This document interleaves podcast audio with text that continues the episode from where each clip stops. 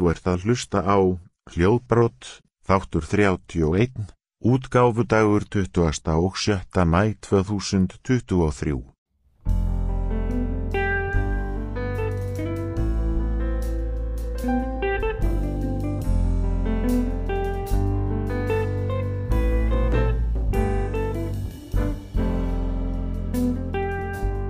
dag, kæru hlustendur og verið velkomin í Hljóðbrott.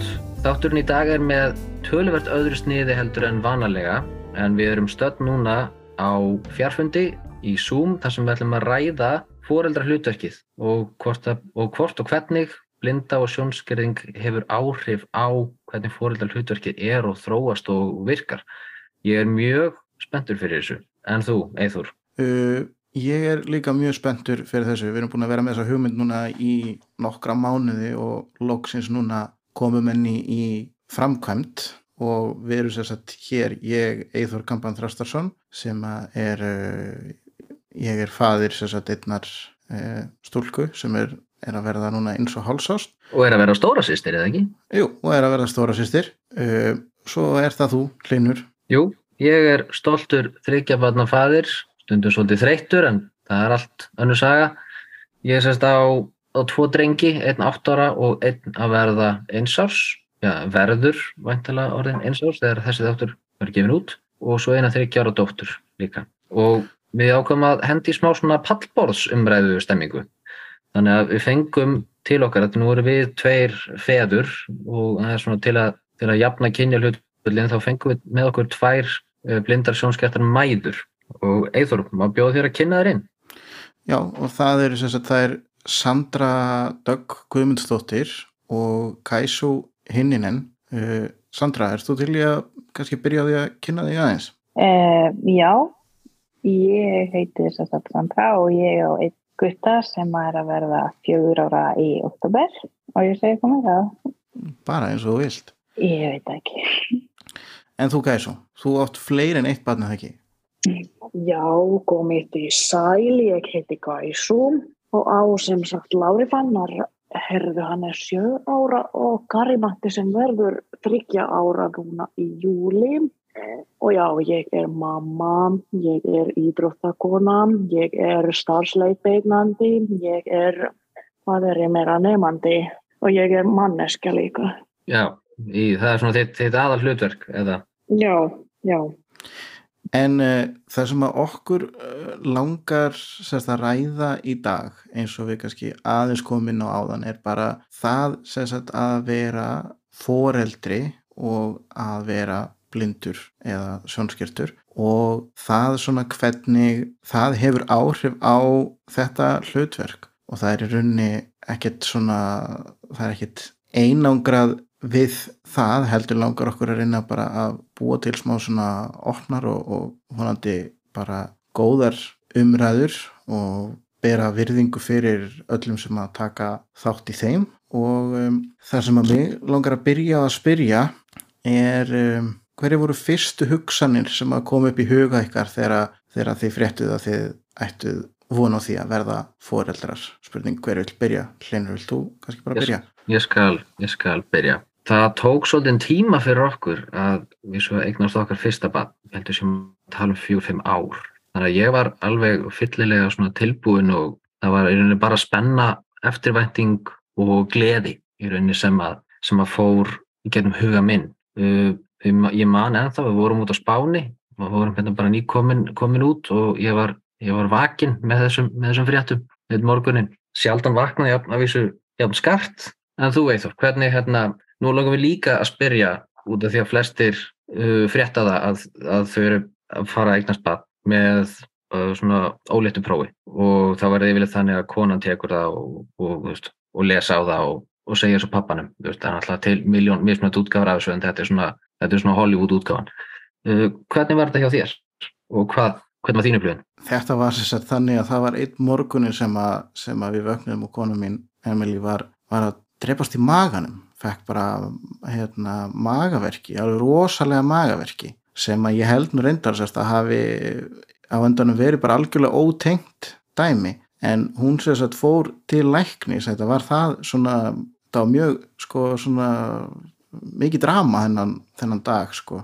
Og uh, hún sagt, fór til læknis og fekk þar að vita að hún fór í einhvers konar, einhvers konar skönnun eða, eða skonar ómskoðun held ég að það gæti verið að það væri sagt, ólétta. Þeir sáu bara hérna fóstrið eða sáu eitthvað svona punkt og svo við getum ekki hérna sett í röngin eða inn einar svona þingri skoðanir vegna þess að það gæti verið að, að þú sért ólétt. Þannig að og svo fóru við sérstaklega bara til læknisins hennar uh, og í rauninni hann staðfesti þetta bara með sko sónar. Var þetta samdagur?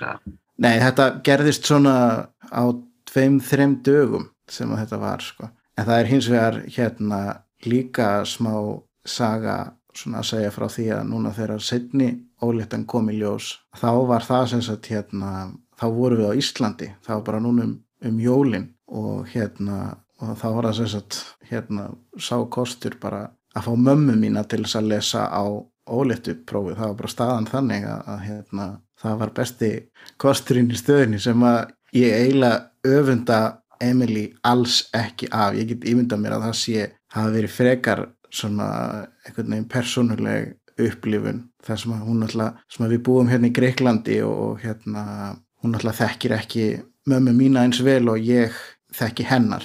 Nei, það ég get ímynda mér til þess að láta tengd og lesa og ólétti prófið sitt. En þið stelpur, Sandra?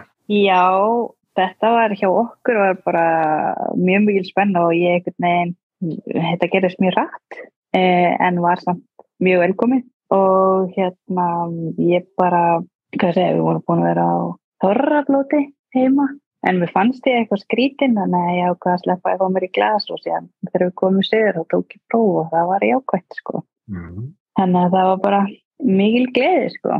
Náttúrulega smá sjokk að ég byggust ekki alveg þetta myndi gerast eins fætt og þetta gerðist en, en hérna en mjög kerkomi Kanski einn spurning, Hva, hvað voru þið gömur þegar að þú veist, þið, þú veist, þegar þið fengu fréttið þar af, þið bara eignast ykkar fyrsta bann? Eh, ég var 25, var ekki? Jú, jú, 25. En þú veit það? Eh, 30 held ég, ah, já. Við veitum, mitt var 2004, ég hef verið 26. En þú, Þæsú, getur þú sagt okkur frá svona þinni upplifin þegar þú fréttir af að fyrsti erfingin var á leðinni og hvað varstu gömul þá?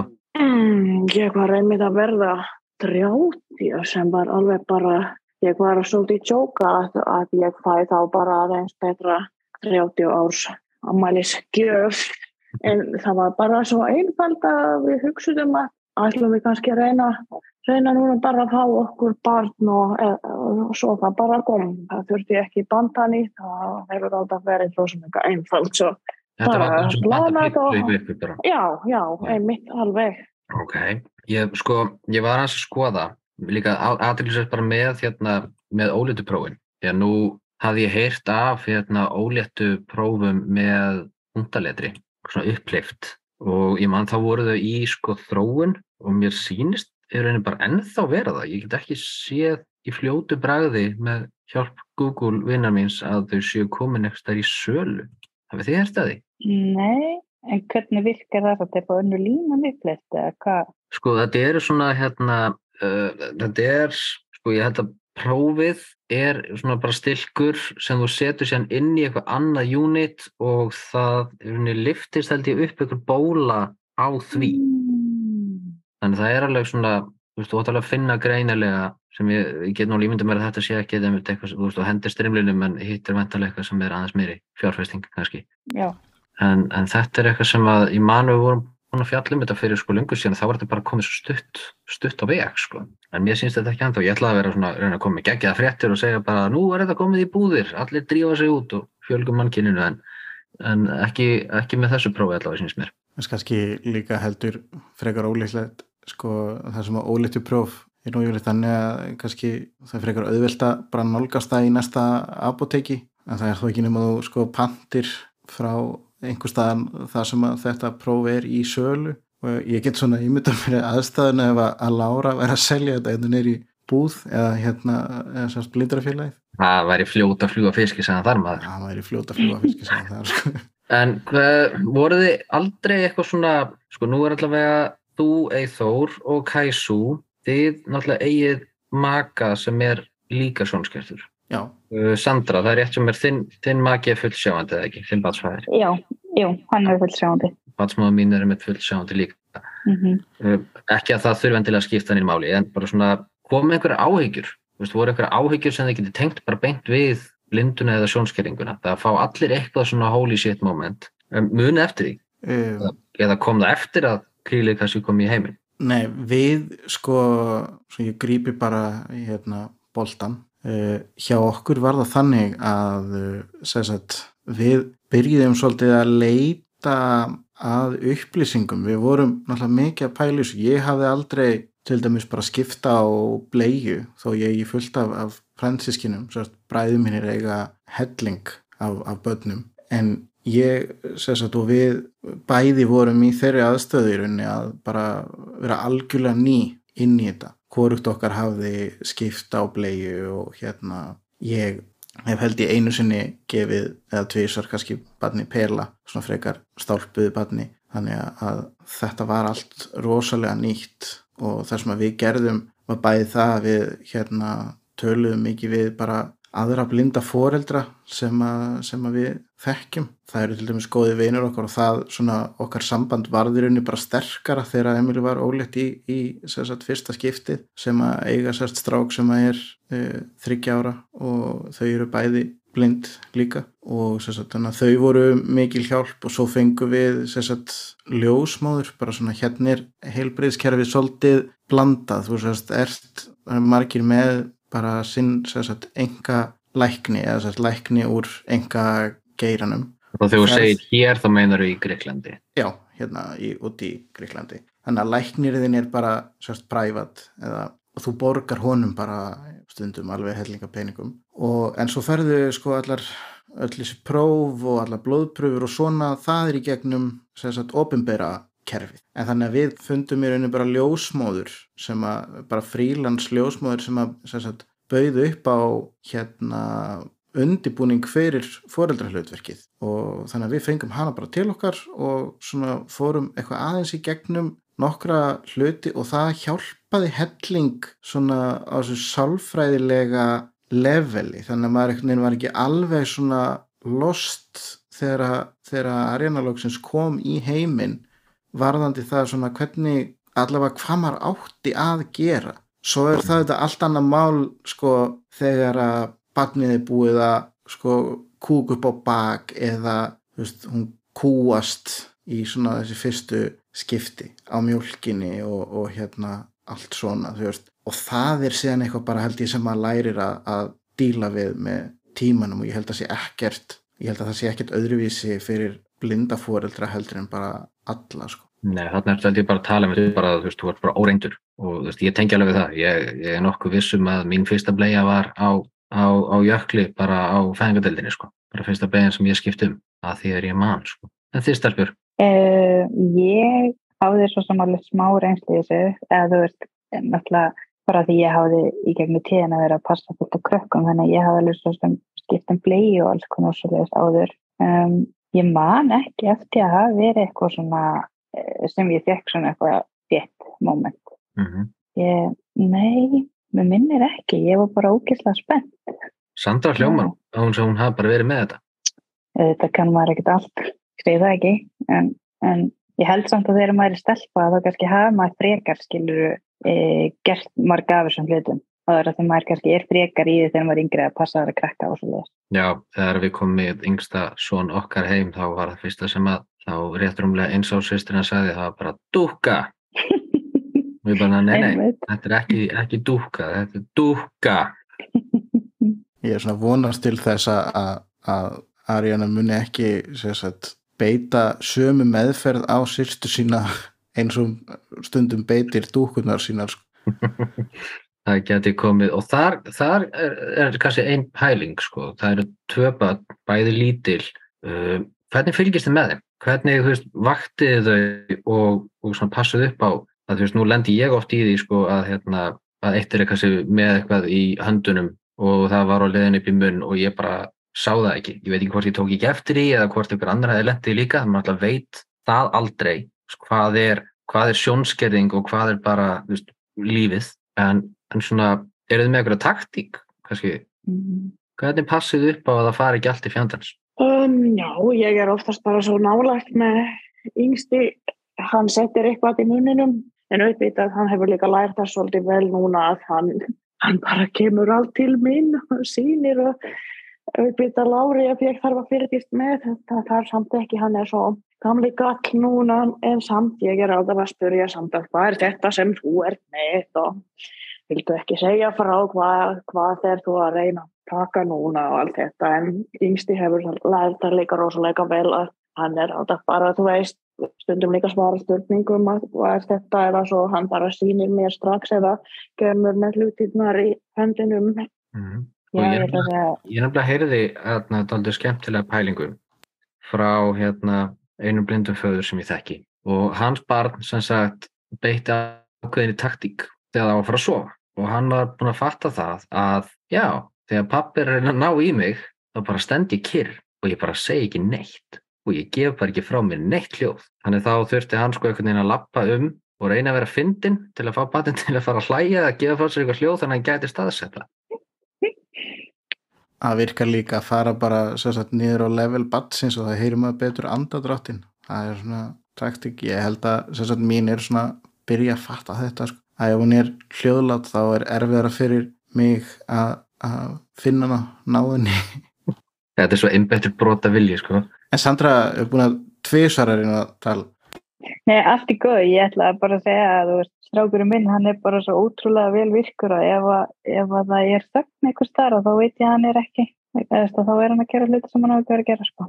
Já, já það, það er líka til sko. Já, En Ég held að þetta sé líka bara ekkit endilega bundi við sem sagt uh, blinda foreldra heldur bara sko það er enginn sem getur verið með 100% af aðtiklinni 100% tímans. Það, það, það er bara ekki möguleiki eitthvað tíman ringi sími, eitthvað tíman gerist eitthvað og allavega hjá okkur þá höfum við reynd að vinna í því þannig bara að gera umhverfið þannig að batni sé örugt í því. Og hún reyndar frá því að vera mjög lítil þá til dæmis bara oft kemur hún með sko rusl af golfinu sem hún finnur og lætur okkur bara fá það það er bara eins og hún vitið að, að hún eigi ekki að vera með þetta eða sem sagt að þetta sé eitthvað sem er ekki gott fyrir hann, hún kemur bara að lætum að fá þetta í hendnar og þetta er hún búin að gera síðan hún byrjaði að lappa sko. Það er slíð svolítið, svolítið merkilegt sko. Það var mitt líka þessi sami fadir sagði mér um mitt frá því að þegar batnaði svo mjög ungt, ég held bara nokkura mánuða, þá var hann fann átt að sjá því að þegar pappi var að gefa sér að borða að það var farið að hreyfa hausinn sko í þá átt sem að skeiðin var að koma. Var búið að spotta það að skeiðin kemur ekkert alltaf bara beina leið í munun á mér. Ég þarf að, aðeins að hérna, staðsetja hann sjálfur líka. Þannig að þau eru rosalega fljóta að kveikja. Uh, ef við kannski spólum aðeins áfram úr, úr svona kornabarna uh, statusnum og við erum komin á leikskóla. Uh, nú væri ég alveg til í að vita að því að það sem ég á ógstlega erfitt með þegar ég er til dæmis að sækja er þegar það eru 30 litlir hausar hlaupandi út um allt inn á deildinni og ég bara reyna að staðsetja mitt eigið barn sko. mm Einhvers tengi við þetta. Er, þetta. er þetta bara allir? Mér finnst, það, mér finnst krakkar, ég er það, mér finnst þau eins og með hérna, alla vini sonar mín í grunnskóla, mér finnst allir vinir að slíta eins út. já, ég, veist, ég veit það ekki, ég segi þá skipt sem ég fyrir að sækja að þá yfirleitt kalla hín börnin á að ég sé komin, sko, og eins þegar pappan fyrir hann, þannig að hann kemur yfirleitt bara laupandi, sko. Já, það er líka oftast, ef ég fer, og ég fer rosalega oftast sækja, það er það bara að starfsmæður þarna sem segir hei Gary Matti er þarna svo. Ég það er ekkert sens að ég væri að finna barnið mitt þarna bara með öllum 60 eða hvað þegar þau mörgla mann ekki. Það er samt ein spurning sem ég langar rosalega að spyrja ennþá varðandi sagt, kannski svona smábarna pælingarnar. Hvað fannst ykkur erfiðast og hvað heldu þið að yrði erfiðast að takast á við? Mm. Þetta er góð spurning. Ég, ég myndi segja að það sem mér fannst erfiðast þá svefnleysið allan daginn, svefnleysið og bara svona síþreitan. Það sem ég held að yrði erfiðast var hérna æla og kúkur og allt svoleiðis. En það var ekkert mál. Mér, hefur aldrei fundist eitthvað vond kúkalegt af mínum börnum. Mér finnst það ókvæmst að líkt þegar að önnur börn kúka en ég pæli ekki í því með mín eigin sko. Já, ég held ég sé sammála, sko, mér fannst einmitt svefnleysið lang erfiðastu parturinn. Um, en ég veit ekki alveg hvað, mér, hvað ég held það mér myndi finnast erfiðast. Ég þarf eiginlega að hugsa það betur. Kæsú, ert þú til í að svara það? Ég að taka fyrst. Fyrsta, svona þessum fyrstu árum. Já, það er kannski, e- erfiðast var kannski í byrjun það að ég fekk, þegar ég var að býða eignast Lára, ég fekk meðgöngu eitrun og þurfti vera svolítið líkjandi á spítala áður. Til dæmis það var sett eitt í gang og svo bara jafna mig eftir þetta alls konar índislega tíma þar á spítalanum. Þá tók svolítið af og gerði kannski allt en erfiðara en ef þú væri bara, þú veist, já, já, bara, bara bloppaði út, blopp, blopp og svo ég var alveg strax stress á eftir. En mér finnst kannski erfiðast hefur verið eitthvað með það, kannski einleiti, ef það er hægt að segja það, þegar til dæmis hér á Íslandi ég á ekki mjög, þú veist, margir vínir og sérstaklega ekki eitthvað svona barnafjölskyldu fólk sem ég get bara farið að hýtta til dæmis um helgina eða uh, leik, leiksvæði eða uh, hvert sem er. Svo kannski svolítið það að ég er samt svolítið einn með krökkunum. Það er kannski erfiðast. Svolítið áhugavið bæling. Við höfum alveg fundið nefnilega svolítið fyrir þessu hér að því all fjölskyldan konar minnar er sem sagt út á eiginni sem að þau eru frá. Þannig að við erum oft svona við eigum að vísu einhverja vini en það er ekkert svona það heldur ekkert alveg hlaupið að því fyrir okkur það keirir enginn sem sagt til dæmis bara ferðast með uh, barnið hérna. Því að það er ekkert uh, til dæmis að fá taxa með bílstól það er þið bara að hleyða þér sko. Þótt bara að vera með barnið í, í fanginu. Það eru bara rosa margir að gera það bara ferðast bara með barnið í, í fanginu en svona fyrst ég spurða þessu þá kannski eftir ég að svara þessu. En ég er einmitt sammáluhlinn ég held að það yrði erfiðast að díla við kúk og, og piss og, og gupp og, og allt þetta.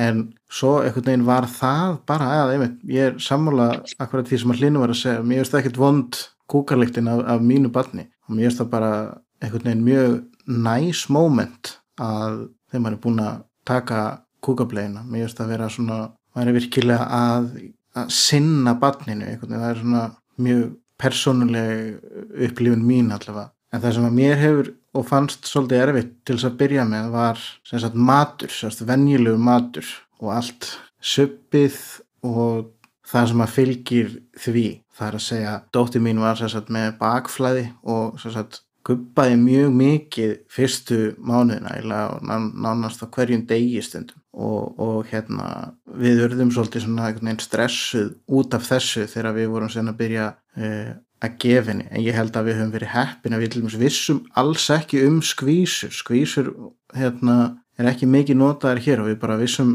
eða ekki að það væri til. Þannig að við bara einhvern veginn svona neittumst til að nota skeiðina og þurftum bara að læra það. Og uh, Emily var búin að vera í einhverjum svona spjallhópum með öðrum blindum mömmum og það er eiginlega bara enginn sem að sem sagt, gefur barninu sjálf að borða eða sem sagt af þeim. Og mér finnst mjög ólíklegt að þessu margir pappar þar sem að hér er ennþá svolítið svona mömmu slagsíða í það er ekki reikna með að, að feður séu uh, að sinna þessum svona leikil atriðum í það að ummannast börnin. Ég ætla að taka undir með, með blegjuna og tenginguna. Ég fann það alltaf rosalega vel að, að, veist, að skipta á börnunum. Það var rosalega mikið tenging sem ég fann þar.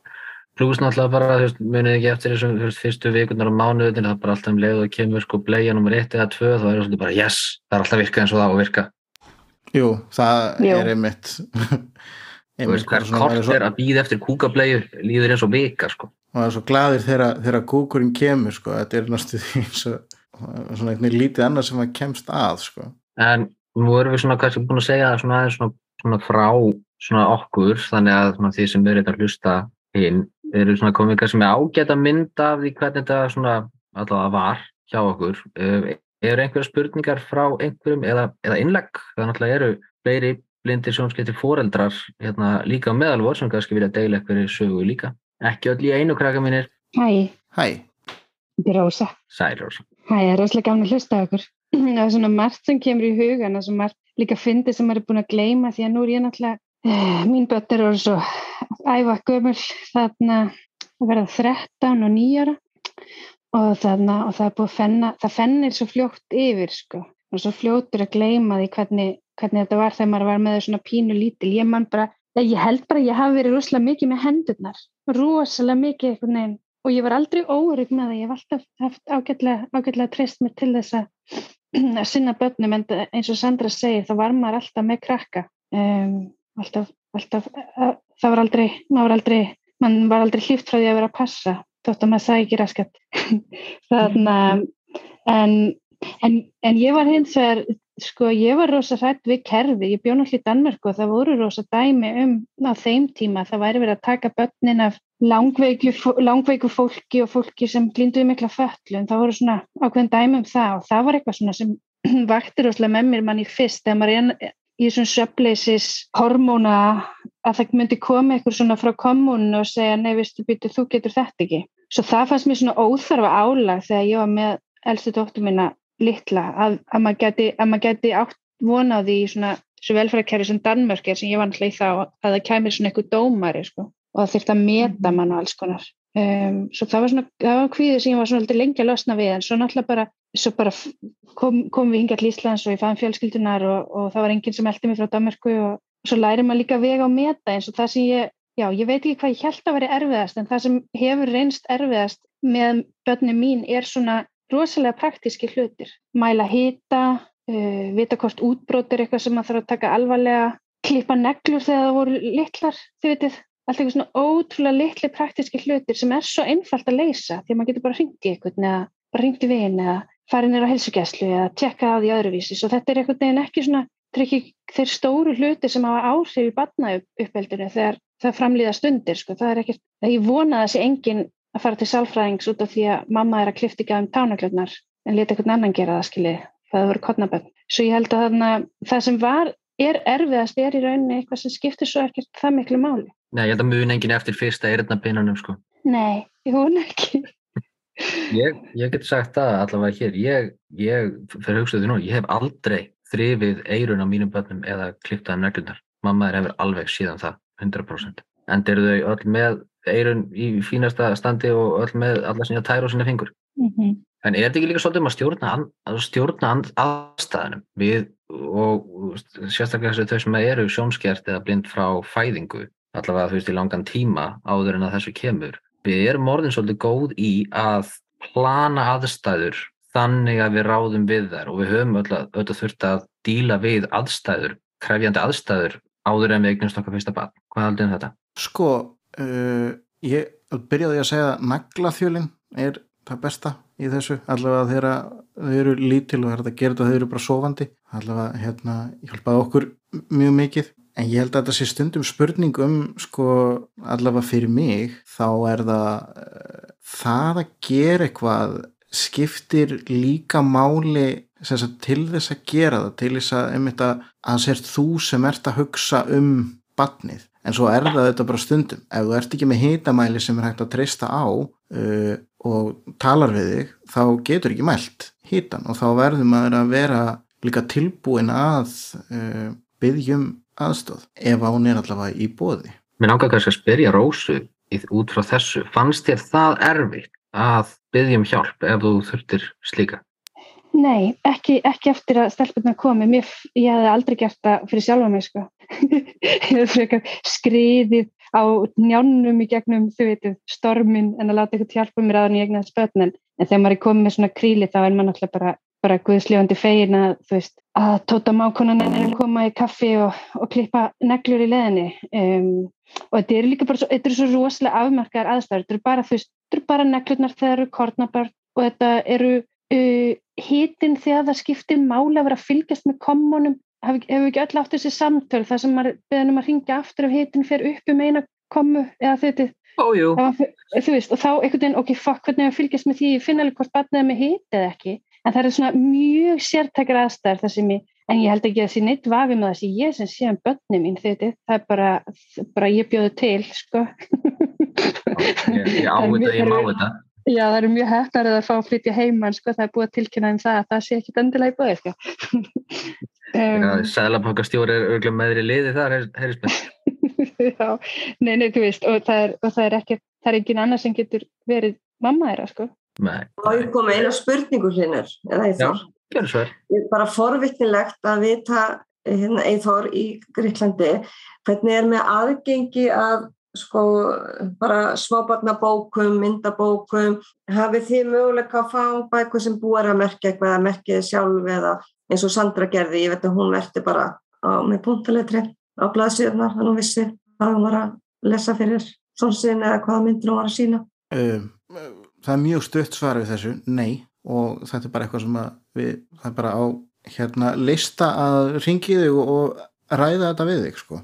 Það tók hvort að við getum fundið eitthvað út úr þessu. Já, af því það er til mikið bókum og mér fannst, er ekki rétt Sandra, að, að þegar við vorum að tala um þessum tíma þá fannst mér að þú leysa þetta svo opaslega vel að, að setja bara á tímaborða fúst, hundur, Já. köttur, af því að þetta eru fyrst bara stakar myndir Já, og mér finnst gaman, ég hef verið að vinna svo mikið það núna með þreyfibækur sem eru náttúrulega frábæri líka og það er verið aðgengilegar, það eru bara því mér ekki mjög aðgeng- aðgengilegar. En ég held að sé að gera alveg ótrúlega mikið bara með venjulega bækur af því að ég segi stundum sko með barni fangi og bóki hönd, þetta eru gæðastundir. En ég er ekki að segja að sé ekki ekki að gæðastundir á annan hátt, það er að það er gæðastundir með hluti og þannig getur maður í rauninni verið að nota hluti í staði fyrir myndir. Það er ekki máli, ég bara var að velta fyrir mig hvort það væri eitthvað aðgengi að bókum. Nei, hérna, en þetta er samt svona, til dæmis fjölskylda mín hefur verið svolítið dögleg við að gefa okkur til dæmis bækur uh, sem eru með íslensk lög sem við getum þá sagt, spila og það eru myndir og, og hérna, þannig að það er svona eitt. Og svo eru bækur hérna til sem eru með svona litlum glugga á meðri síðunni, það sem er sett lykt, þú klórar svona aðeins í gluggan og þá kemur lykt. Þetta er svolítið skemmtilegar bækur Ég man að ég var farin að gera það með, hérna, með minn elsta að í staðin fyrir að vera að pýra augun og, og lesa ykkur á bækur að því að það var náttúrulega alltaf þannig að það var fullt af bóku sem ég gæti lesið fyrir hann en hann vildi alltaf lesa bækurnar sem að vildi svo heppilega til að voru með veist, smæsta letrinu og óþægilegustu leturgerðinni og ömulegasta kontrastinum. Þar voru bara einhvern veginn skemmtilegri heldur en hinnar að ég gerði bara rosa mikið að ég bara bjóð til einhverja sögur fyrir setnin og, og sagði hann í stæðan fyrir að Ég lesa mæli með, mæli með því, veit ég það að ég var ekki að spyrja um þetta því að ég held að bækur væri, eh, þú veist, alveg ómessandi. Ég einmitt held að það sé akkurat þetta að segja börnum sögur og þetta gera það bara út frá hlutum, sögur og bækur geta líka verið bara í ösku, geta við safna hlutum í ösku, týnt upp einnað hlut og bara spunnið. Það er ótrúlega gaman og börn eru svo móttakileg fyrir því. Þannig ekki endilega vera að stressa sig á því þó að sé ekki endilega bækur, það var bara smá pæling, eithor, hvort þetta væri aðgengilegt í Greiklandi.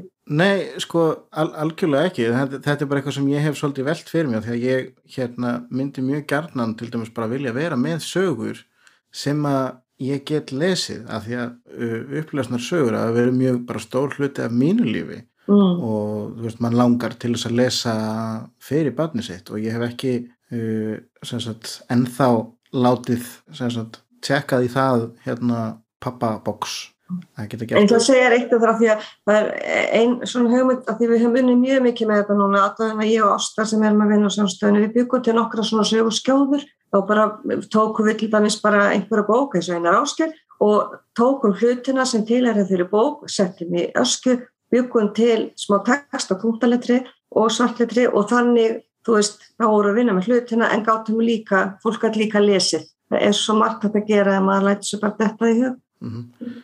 Við hlustum endalust saman á hljóðbækur, ég og stelpunnar. Við erum búin að hlusta á allar fimm bækurnar og ævintýra bækurnar og allt sem er ekki endilega viðeigandi lestur. Þannig er rosalega mikið um síkarettur og kinnhesta og svona. En það, hana, það er virkilega gaman að sjá hvað það er pikkuðu upp frá mér hljóðbókina, einhvern veginn sem bara svona algjörlega eðlilega hluta lífinu. Um, en svo átti líka rosalega skemmtilega um til að segja ykkur frá þessu skemmtilega reynsla sem ég átti síðasta sumar með vinkonu dóttur minnar, nei dóttur vinkonu minnar segi, sem er svona fjárara dansk og býr út í köpen og ég hafði ekki almennilega hitt hana eftir hún komst til vits og ára síðast ég hitt hana þá var hún bara pinnill kútur svo ég var að hitta hana síðasta sumar og, og þarna og þá var mamma hennar að útskýra fyrir hennar að ég væri með svona hvítan staf af því ég sæi ekki og við, hann til þess að sjá þegar við vorum að labba og svoleiðis og setnum daginn þá kemur hún hlaupandi til mín með bók sem er semst uppáhaldsbókin hennar og er að sína mér og er svona mjög þrjósk að sína mér þessa mynd og hvernig hún sé með við þessa mynd og henni finnst ég ekki sína svona miklu á, svona áhuga. Svo hún, hann, hún er svona svolítið höst fyrir mig og segir Rósa þú verður að kíkja. Og það segir já en Billy, Billy mannstu ég, ég sé svo illa. Mannstu hvað erum að tala um? Og þá horfðum nextlu á mig og sagði náðu þá í kvítastafinni það var bara svo raugrétt fyrir henni og þannig eru krakkar svo mikið, þau eru svo lausna með mm -hmm. En mér langar að koma kannski með einum ræð því við erum að tala um hérna, við erum að tala um bækur og, og, sko, og ég var bara ekki, ég hef ekki velt þessu fyrir mér áður að, að, því, að því nú veist, hef ég, ég hef sjón en ég get nota þessa dýrabækur og allt svoleið, þannig ég hef aldrei hugsa fyrir mér sko, já, auðvitað bara myndir maður veist, merkja að veist, þetta er hundur. Þú þarfst ekki að sjá hundin á blaðsíðin en bara veist að þarna er hundur. En mér langar að prófa að snúa þessu við því að meðal vor er hann Ísak það sem við erum, erum, erum svona svolítið búin að snúa dæminu við. Uh, Ísak er með full sjáandi en er með sjónskertan svon og mér langar að hans að kannski spyrja hann út í með þetta, hvaða hérna var eitthvað sérstætt veist, þegar þið voruð að lesa hann í svefn eða eitthvað svolítið, voruð þið að gera eitthvað öðruvísi heldur en með fullsjáandi barn? Uh, nei, þetta var nú bara eiginlega bara svona þetta sama ritual, það var bara fundin einhver bók og hún var lesin, það var ekkert það er sjálfsögur engin munur á því og, og eldri bróður hans sem að þarna, þetta var bara, þetta var bara þessi svona, þessi svona fyrir svefnin ritual sem að var gerður. Sem er náttúrulega ómetanlega stund sko, eins og eins og hún segir með, með batni fangi og bóki hönd sko, það, það er bara ros, ros, rosalega dýrmætt það er fátt sem toppar það sko. En má ég að segja Ísak þegar hérna þinn strák var lítill þá mann ég vel eftir því að við hittum hann í leikskólanum og þá vorum við og búin að aðlega dalti að bókum, við höfum alveg verið að gera það på sjónstöð fyrir sjónskerpar þannig að búið að breyta myndunum og reynsa þær og, og það var það hefur virkað rosalega vel.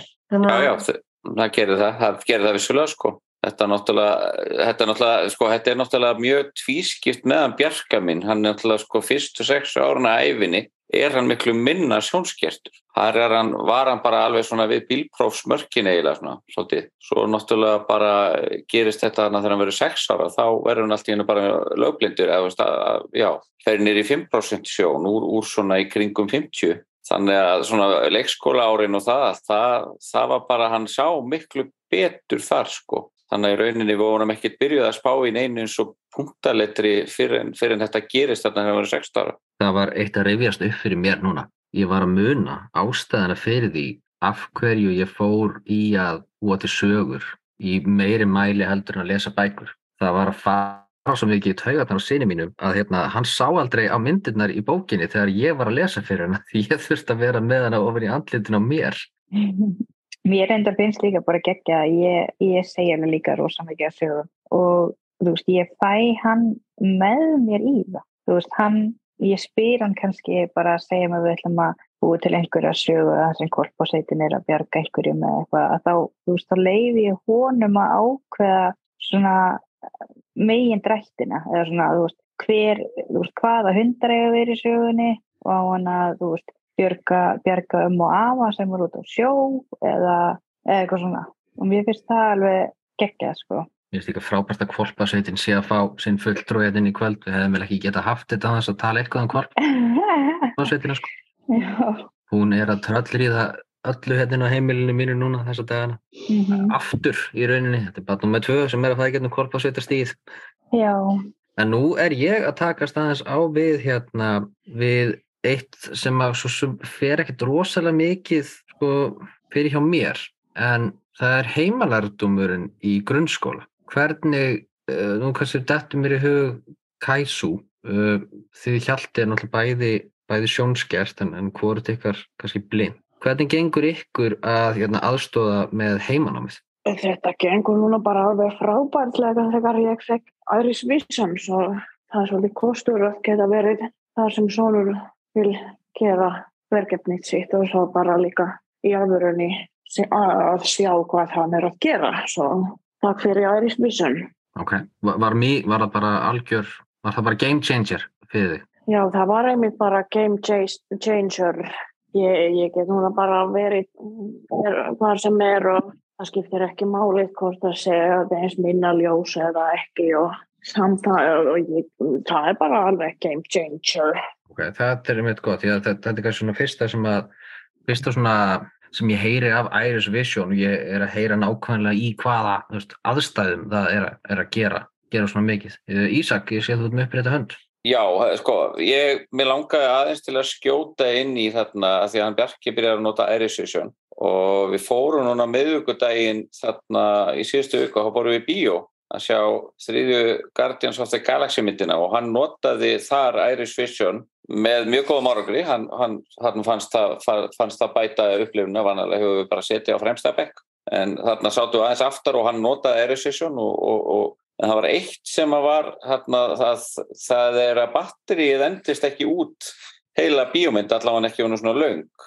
Þegar þið voru að tala um þetta með heimalærdum og þetta er eitthvað sem mér hefur alltaf fundist vera rosalega erfið jafnvægisganga, það er semst samskiptin við grunnskólan að maður fær svo lítinn tíma í þessum hefðbundna grunnskóla með kennurunum og svona um, og það virðist bara veginn bara aldrei festast inn á töflunni að maður sé störblindur svo maður þarf alltaf, alltaf að vera bara svona í öllum einhverjum foreldraviðtölum og viðburðum og eitthvað svona að vera bara já, svo er ég náttúrulega líka þú veist, sem maður er einhvern veginn alltaf að draga þú veist, það er barnið á að fá að njóta njóta sín eða að vera í miðjunni þá þarf maður alltaf að vera að tala um sína einn föllum uh, gætur þú sendt mér þetta tölvupósti er þetta til, allt látið maður fær allt á pappir, allt einhvern veginn svona. Og ég einhvern veginn bara gaf svolítið upp á því að vera alltaf um, og fór það frekar heim bara að reynda að taka mynd af hlutunum eða byggja sigur og sem að lesa það fyrir með eitthvað svo leiðis ég let hana til dæmis bara fylla út sjálfa lestradagbúkina og eitthvað svo leiðis sem er náttúrulega kól ólöglegt. En skiljið út af því að það var einhvern veginn orðið svo þreytt að vera alltaf að tala um mig og mínar þarfir. Þegar maður að vera að tala um barnið sko. Hvað er, það er kannski kemur að næsta, menna hefur notað eða getað notað eins og hérna mentor, infomentor appið. Já, Hvernig hefur það gengið? það hefur bara gengið ágætlega að, nota þarna, ég nota náttúrulega líka stækkun sko, eða hef gert hinga til en, en það notar það engin kennari að neina marki sko. Nei, mér finnst það rosalega misjönd. Það er svolítið erfitt að, erfitt sko að stóla á það ef það er svona nokkri sem nota það ógeðslega mikið en aðrir ekki neitt eða einn notar það mikið og hinn er ekki neitt. Það er bara óþröndum, ég finnst ég loggast út úr þessu appi bara kortis fresti sko. Og þá náttúrulega fæ ég ekki notifications þegar eitthvað gerist. Ok, má ég tjá með aðeins? Gjörðu svo vel. Þetta er Íva, by the way. hérna, mér langaði svo að aðtöða hvort einhvern ykkar hefði reynslu af samsettum fjölskyldum. Af því að nú er fjölskyldum mín samsett og ég kom með fimm ára stjúpsson og það er svona, já, veist, ég er svolítið svona að reyna að finna út sko hvernig maður fara að opna um, sko, eða, þú veist, um blinduna við hann. Af því að hann náttúrulega, veit, bara sjáðu þetta, þú verður að sjá þetta. Og svona, ég er svona pínu verið að reyna að koma, komast hjá því að taka eitthvað svona samtal við hann. Ég veit ekki hversu mikið sko mamma setja með sinna því að það er líka tjóðlega þrjú mismunum tungum á læmlega og hérna samsetning. en þú veist, já, rosa samsetning sko.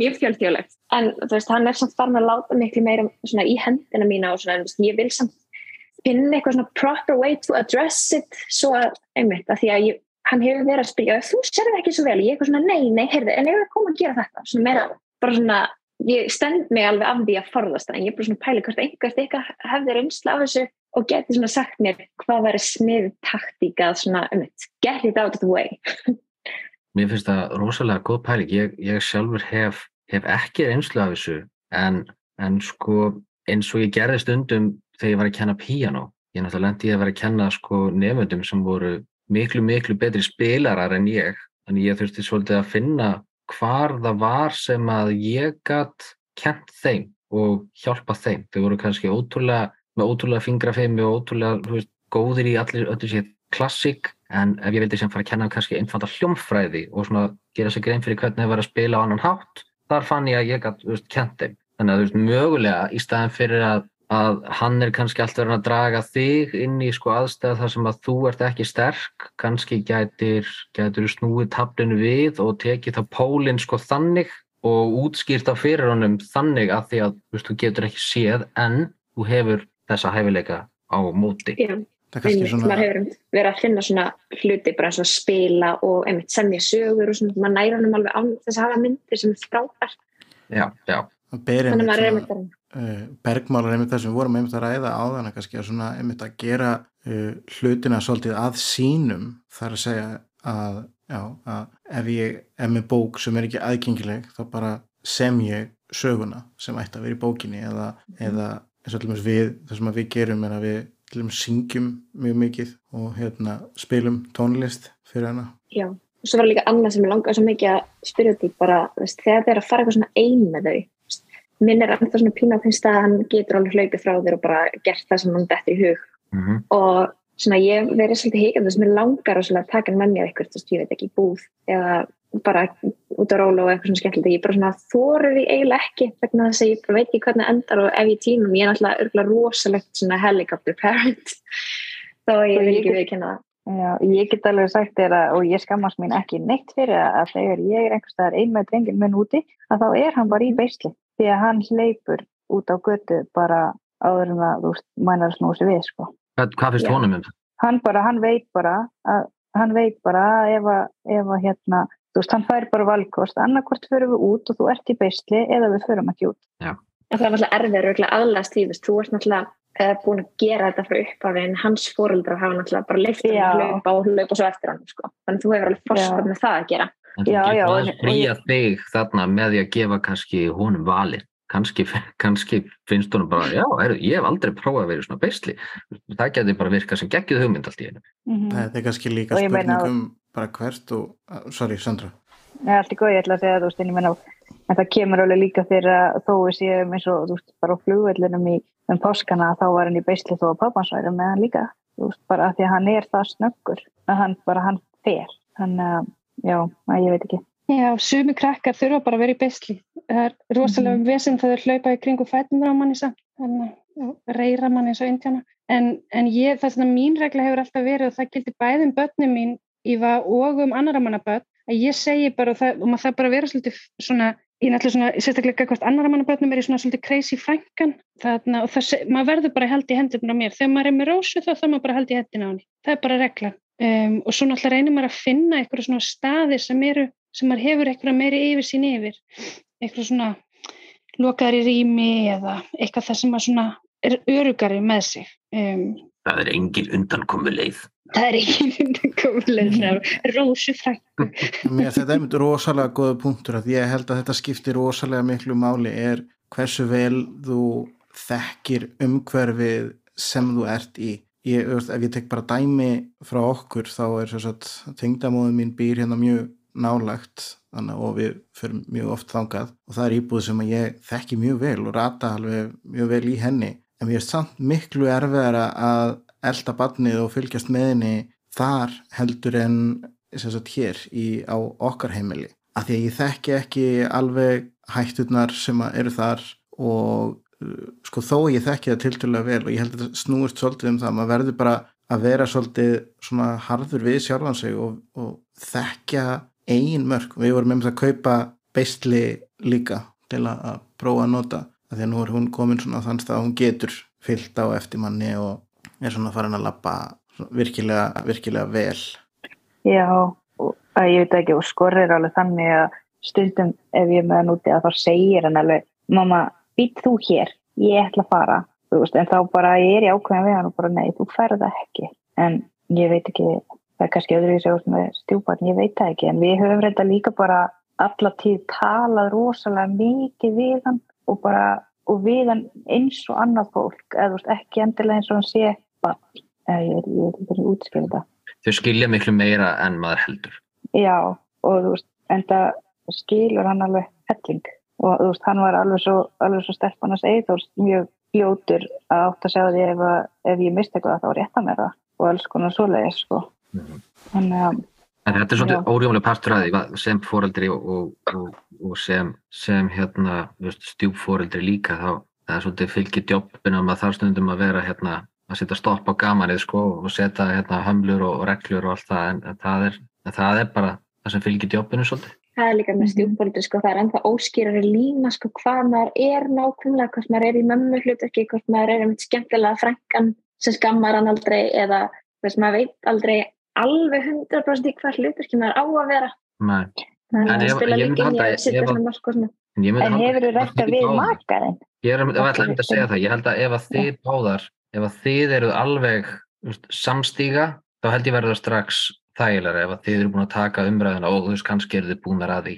En, Mhm. en svona að, að þessar áhyggjur sem þú hefur í hvaða hlutverki er ég, Mér finnst það bara svo aðstæðbundið oft.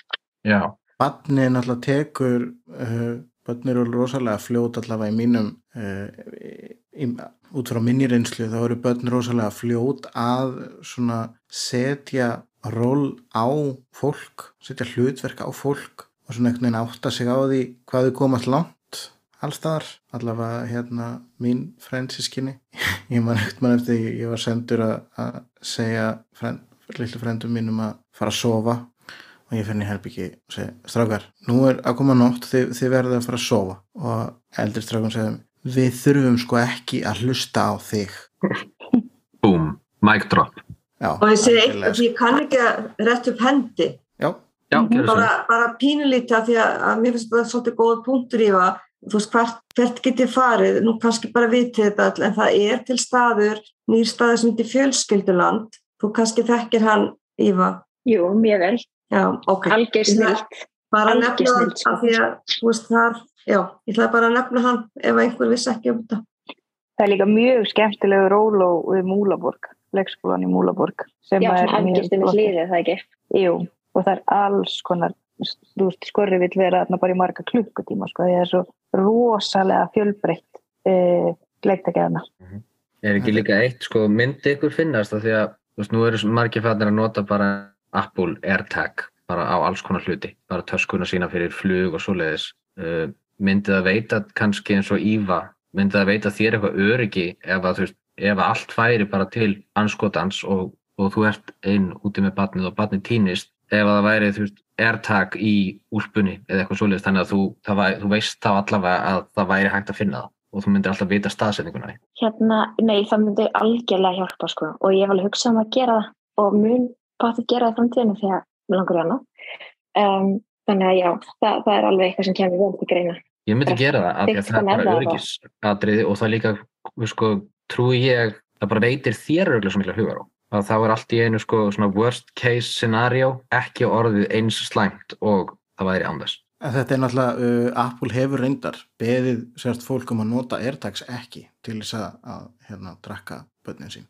En síðan hvernig höfum við hlýtt öllu sem stór fyrir að segja okkur að gera.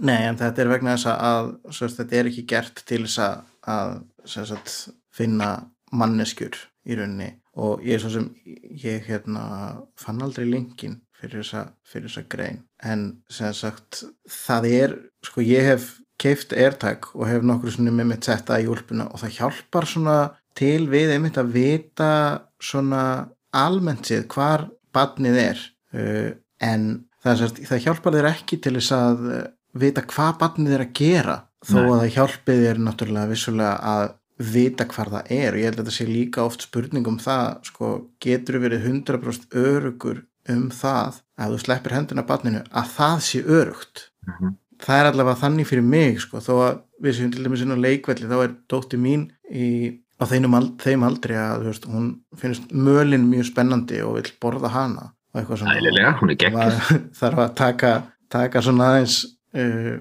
vera með mjög svona góða skinjara fyrir því hvort að það sé að gerast þannig að uh, ég allavega er til dæmis ekki tilbúin nema að sé einhver annar sem að getur uh, sem að bakkar upp að fara frá henni til dæmis mjög langt inn á leikvelli Eitt sem að mér langar að nefna, bara ég gleymi því, uh, GPS úr. Það er græja sem að mér finnst algjör snild upp á það að gera að þú getur séð hvar barnið er og þú getur líka hringt í barnið. Það er mjög einfalt Mhm. fyrir barnið að læra að svara þó það sé kannski bara fjara, fimm ára og þetta er það einfalt og veist, mín, mín dóttir var farin að veist, kunna að aflæsa síman minn þegar maður bara tveggja ára sko. þannig að veist, fjara ára barn getur alveg lært að operata hérna, svona GPS úr og stundum er þess að bara gæti nota það, veist, ef ég hringdi þá heyrðist líka bara, svo, heyrðist svo hátt í þeim þannig að það nýttist alveg fyrir mig sko þegar, þegar minn elsti var farin að svona, já, var að farin að valsa um og maður farin að gefa hann aðeins lausari taumin heldur en, heldur en fyrst. Já, Já, gott, gott tip, pro-tip Uh, áður en við förum kannski í, í loka punktina Seyþórs sem ég er að verða pínu forvitin með uh, hver er, er einhver sem vill leggja leggja orðið í belg eða koma með eitthvað spurningu áður en við svona röppum þessu upp? Já, þetta er helgudögg. Ég ætla bara að segja bara mjög áhugavert að hlusta og ég stið það að beislið er snilt.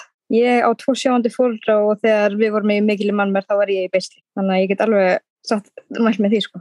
Takk fyrir það. Það er gott að það séu menn að tala um beislinu. Já, alveg snilt. Okkur er fleiri. Gísli er að ringi mig. Sæl Gísli. Þetta verður með á upptökunni. Mér finnst bara að meðan hlýnur að tala við þarna gísla þá langaðum bara til að segja að mér finnst það ótrúlega flott framtak hjá ykkur og ótrúlega gaman að hlusta á þessa umræða. Þetta er bara, bara endilega bara meira. Ég held að það er svo margt sem ég langar til að segja en því ég ætla ekki að segja á þetta því að við myndum vera inn í allt kvöld en bara rosa margi punktar sem kom fram sem voru ótrúlega áhugaverðir. Ótrúlega gaman að tala við ykkur. Já, takk fyrir það. Er, já, það er eitt síðan samt, þú veist, er eitthvað svona, þú veist, hvað segja, svona, uh, framöndan eða sem ég kvíði fyrir. Þú veist, þessi, þessi krakkarnir, já, ég er nefnilega kvíði því rosalega, sko. Og það ef að, ef að barnið mitt til dæmis endar í, í hérna, þú veist, ballett eða einhverju solis, þú veist, það geta Mhm. ekki einhvern veginn verið genuine uh, varðandi það að, að, sem sagt, veist, að segja að þetta var flott hjá þér og meina það og vera með hugmyndir á bakviða. Mm sem við nú svo sem kannski, minna það er ekkit endilega, endilega það sé að fara að gerast en, en það er hérna og svo reyndar er eitt fyrir okkur fjölskyldan stækkar en, en hérna en aukumunum og bílsætum fjölgar ekki þannig að við erum svona í því að Já. við erum einhvern veginn að reyna að díla við það. Það var ekkert svakalegt úrval á sínum tíma þegar ég var að vinna með að þurfa að panta stundum leigubíl með einum hérna barnabílstól fyrir hérna fyrir þess að 12 mánuða og öðrum barnabílstól fyrir stryggjára Já, segðum. eða eða 5 ára sko. það, það var hérna, nógu lengi fannst manni þeir vera að koma þó maður væri bara byggja bara með sessu sko. Mhm. en hvað vorum við að tala um að því ef þið voru ekki að tala um það sem ég held að hafa verið að tala um þá langar mér að tala um það Það Hvað, er, hvað heldur við að vera að tala um? sko, þið voru að tala um eitthvað hrós að segja, veist, flott hjá þér Mm. Ég, já, þá allt í hennu sá ég fyrir mér aðstæðarnar þegar barnið er að teikna og vil sína ykkur hvað það var að teikna og þið er að segja hvað þetta sé sjúklega flott og raunverulegu spædermann þó þetta sé bara eitthvað grót en þetta er list hafið lent í þessu Já, Já, og Já. hvernig, hvernig var hvernig var það að tækla? það er, það er verkefni fóreldra að finnast allt sem börnin sem gera að vera æðislegt. Náttúrulega er það, okkur finnst það Já, það er, það er heimurinn getur svo gaggrind að setna. Það er mín afstæða.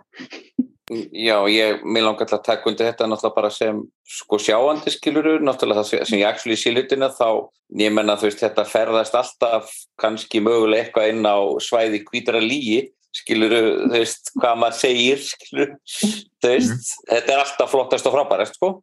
En, en, það er það kannski, kannski ekki þannig skiljiði Nei, nei, Mhm. en, það- en það er kannski ekki það sem ég á við heldur eða kannski svona, hvernig fannst engum leiðilegt, þetta er svona sama eins og að skiluru við kannski sem blind og sjónskett fórum kannski mörg í gegnum ákveði sorgaferli þegar allir jafnaldri að þeim voru að fá bílpróf. Er eitthvað svona sveipa þarna, er eitthvað svona söknuður, eitthvað svona, svona eins og þetta, þú veist, að barnið er að teikna mynd og vá hvað ég væri til í að geta séð hana? Hefur eitthvað verið að velta sér upp úr einhverjum svona pælingum með einhverjum tímapunkti Já. Ég, já, ég hef alveg bara með ímislegt, skilju, að því það var svo margt sem ég gat áður um, sem ég get ekki, þú veist, sem ég get ekki núna eins og þú veist, þó ég merki bækur og segi sögur eitthvað og finnst mér samt rosalega leðilegt að get ekki, þú veist, þegar hann er að spyrja nánar úti, til dæmis líka, að Mhm. get ekki, hérna, sagt honum hvað þetta er, en þú veist, ég reyni ofta snúaði við bara, þú veist, ég segi bara, veistu, að mamma sér ekki,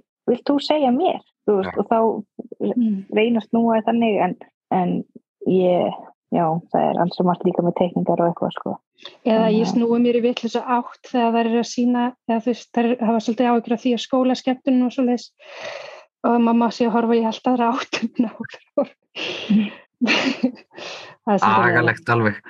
Já, vandræðilegt. Ég veldi því samt fyrir mér hvort að þetta sé ekki samt að einhverju leiti sko, ég veit hvað hérna, svona þessi kvíði ég hef aldrei allavega lent í því að svona vera mikið að velta mér upp úr svona málum eins og bílprófunu og svona allavega fyrir mig, það var það aldrei það var aldrei neitt þema, það var bara uh, eitthvað sem að var eins og það var. Geti hafa haft að gera með það ég gæti náttúrulega, var bara með leigubíla ferðunstuna og, og gæti nota hana en það var aldrei svona, ég hef allavega alltaf reynd að passa með því að, veist, að detta ekki ofan í sagt, þessar pælingar að fara að velta því fyrir mér hvað ég geti ekki gert. En ég, eins og ég segi, ég er samt hrættur um það að, að sagt, þurfa að díla við þessar aðstæður. Mér erst hrós vera oft einhvern veginn, ég hef allavega í gegnum tíðina fengið allt og mikið af hrósi fyrir einhvern veginn sem að ég upplifði til og með svo oft þegar ég var bann að væri ekki verðskuldað og veist, mér fannst það svona mér sagt að ég væri duglegur og væri rosa eitthvað og hérna mér fannst þetta allt rosalega innantóm þannig að mér finnst rosalega gaman þegar ég get gefið fólki hrós sem ég virkilega meina en það hefur kannski bara að gera með mig og hefur kannski bara ekkert að gera með mm -hmm. það hvernig barni mitt mun taka hverju sem ég segi Nei. Mm -hmm. En fyrir það sem þess verðið þú, þá finnst mér þú mjög duglegur mm. Eh, má ég koma að þessu ný? Já. Gísleit ég, selveriði. Ég er það, mér finnst þetta mjög aðeinsvært sem þú ert að segja, Eithor, eins og þú ert hlæðir að duður. Já, þannig, sko, ég man svo sérstaklega fyrir því að, að hérna, uh, þegar ég var lítill, að uh, þá var ég með alveg hræðilega mikla bíladell og þekkti alla bíla í eigum á hljóðinu og vissi nákvæmlega hvað tegund þetta var hver átt í bílum hver ferði og uh, ég sætti mig við það þegar ég var svona 15-16 ára ég myndi líklega aldrei eh, hérna taka bílpróf. En mér minnist þetta eitt sem móðin minn sagði að þegar ég fór á örgulíferi og fekk borgaða einhverja hundrakalla á, á hérna, mánuði frá sjúkarsamleginu þá fylgdi mér aðtöðasend frá hérna hérastlæktinum í eigum uh, hérna sjón er mjög döpur og grind nokkuð góð en það er óvíst um hans framtíðar horfur hann gæti hugsanlega lært einhverja einn og ég mér sér lærði, ég reyndi að læra að búið til busta hjá blindrafinafélaginu en það gekk ekki. Þannig að einn ein lærður var ég aldrei.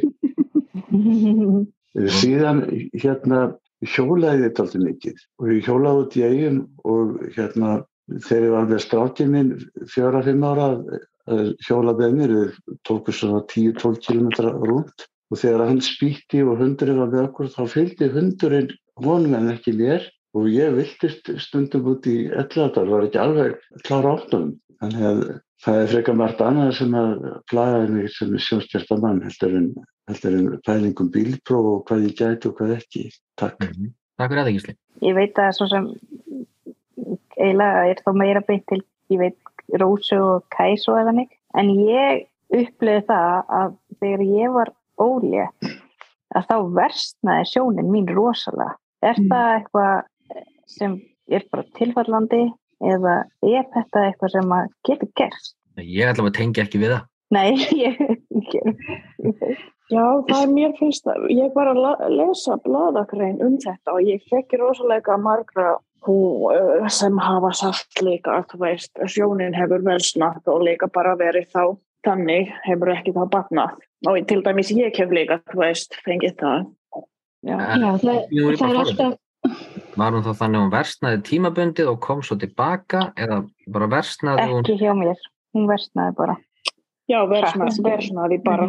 Mm. Já, ég, ég er heldur ekki frá því að mín versnaði. Sko mitt, ég, ég, ég hitti auglæknum minn því ég var orðin bara nokkuð ólétt, semst gamla auglæknis ég átti í Danmörku, rosalega flottar sem að húsnbæð og hann var svo hissaði að ég var ólétt þarna um, og bað mig um að ringja í sig að koma til sín held ég eftir að ég opna eiga mm. um, og, og, en var svo svona reyna að vera kátur og svo kom það í ljós hitt að hann eftir að ég opna eiga þess að með minn auksjútum þá er það þá hafa orðin nokkuð tilfelli af því að mæður missi sjónina í fæðingu sko. og ég þekki eina mm -hmm. danska stelpu sem var bara, hún fór frá því að vera, með, vera sjónskert og var alblind í fæðingunni eh, RP-stelpu sko og það, það er náttúrulega og hann var svo hann, hann var svo hrættur um að þetta myndi koma fyrir mig og, og hafi þess að verið, já, verið eitthvað svona að reyna að vera rosa kátur en, um, og maður hefði náttúrulega verið með sjúkleira áhugur ef maður hefði vitað fyrirfram, segi ég, en samt hafði ég engar áhugur af þessu í annarskipti sem ég var áleikt. maður er náttúrulega svo bilar, maður heldur alltaf allt gangi allt en já, ég held að bara líkamleitt álag og þetta er náttúrulega eins og að fætunar á manni stælka og allt það, þá já, bara, já. vestna sjónin svolítið, þegar maður er með hrörnuna sjúkdómin allavega. Einmitt, já. Já, það var sagt eitthvað um augabotnið og hvernig óleggindi getur virkað þarna eitthvað með losnandi eða ég man ekki í alvörunni en það er hægt að kannski googla, googla þetta bara. Já, já, bara pæla hvort að þú veist, ég væri bara einu sem fyndi fyrir þessu sko eða hvort, eða hvort þetta hefur verið tilfallandi. skilji. Nei, þetta virðist vera, þetta virðist vera til. Ég hef aldrei heyrt, heyrt af þessu en, en sjálfsagt getur þetta náttúrulega tengst í að það er náttúrulega rosalegt álag á, á kerfið, bæði meðgöngu og, svo, og fæðingu náttúrulega. En ég, ég, þetta er fyrst sinn sem ég heyri af þessu sko. Emily hefur allavega ekki talað um þetta við náttúrulega lendum í því að hún þurfti samt að fara inn á spítala núna fyrir tveim mánuðum að því að hún var slegin í augað með dóti Erum við, er, erum við farin að hlæja þessu á heimilinu eða að því að sko hvernig þú málaði þetta moment upp fyrir mig sko þá hefur mér alltaf fundist þetta uh, á sama tíma komíst en samt mjög alvarlegt. Það er náttúrulega, er náttúrulega þannig að því að þetta var bara svona, svona nánast svona rúbi tækling með mikrofón. Já, og hérna og auga bara og sérst öll sjón á augunni bara farin. Og hún var inn á spítala í þrjár vikur. Mhm, en svona er alltaf, er alltaf komið tilbaka. Sem betur fyrir var þetta sérst verra auga hennar þannig að hún í rauninni misti enga, svona, enga praktiska sjón sko. það er margt sem maður getur lent í með þessi greið sko. Mhm. en ég held að ég þóra við séum að veða kannski tilbúin fyrir loka tvistið þitt. Loka tvistið, ég myndi kannski ekki beint kalla þetta tvist. Og og ert með þetta ásu björminni Ása Björminni Nei, það er nú bara svona, mér langar að spyrja í lokin bara hvað, hvað er svona besta mómentið sem þið upplifið með börnunum ykkar annarkvort, bara það allra besta sem þið hafið nokkuð mann eða bara svona eitthvað sem að st- stendur upp úr bara í daglegu lífi Dreykti pappin í mér vill segja að hérna horfa á þau sofa Sammála. það er svo friðsælt og það er eitthvað svo geggjað sko. Mér langar að segja eitt eh, varandan Bjarka og þetta. Eh, Það er eitt atveg sem gerist rétt eftir að, eins og segi, þetta bakslæg gerist hann er sex ára þar sem hann verður lögblindur, verður mun meira sjónskýrtur og það náttúrulega, það atveg fekk svona mikið á mig á sínum tíma en eh, það var eitt atveg sem gerist stutt eftir það. Þá vorum við að keiri bíl og ég náttúrulega bara einhvern veginn búin að spúa það til í haustum að nú bara segja hann alls ekki neitt sko og þá segir hann, sjáðu pappi, hann er regnbói. Þetta er bara með því bara gleðilegri mómentum mínar æfi af því að út af einhvern veginn svartnættunum sem ég var búin að búa til í haustum á mér, bara hann gætt hort út um glukkan og sé regnbóga það var eitthvað sem var glatt mér mjög mikið. Takk fyrir þetta þessu. Ég Þetta eru svona litlu samt reysa stóru sigrarnir. Já, ég elska þetta bara hm.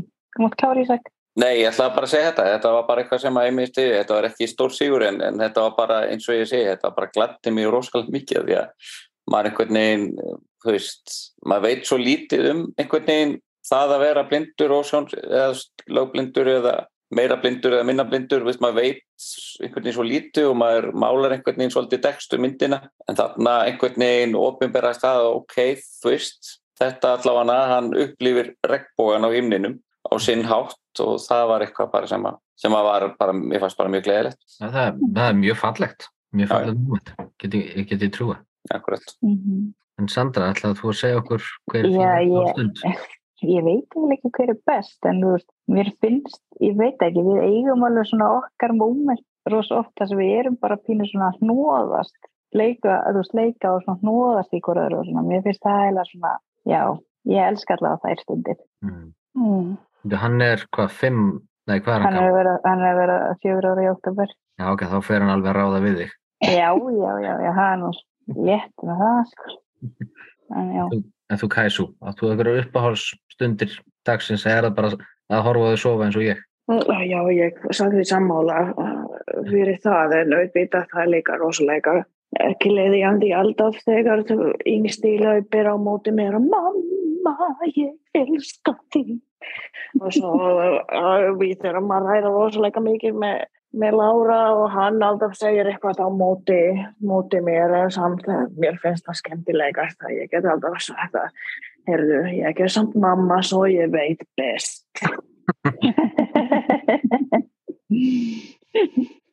kannski ætla ég að taka bara ringin með, með þessa loka pælingu. Mér finnst það alltaf læg. Já, já, gerum það bara Rósa? Það Já, ég þarna, já, það er eitthvað svona eins og þú segir hlinur, það er eitthvað rosalega gott þegar maður er með barnið sitt sofandi í rúminu með þarna og allt er í lægi og í hreinum fötum og allt þetta svona fáranlega sem maður fyrir að gangast upp í þegar maður er um fullarinn.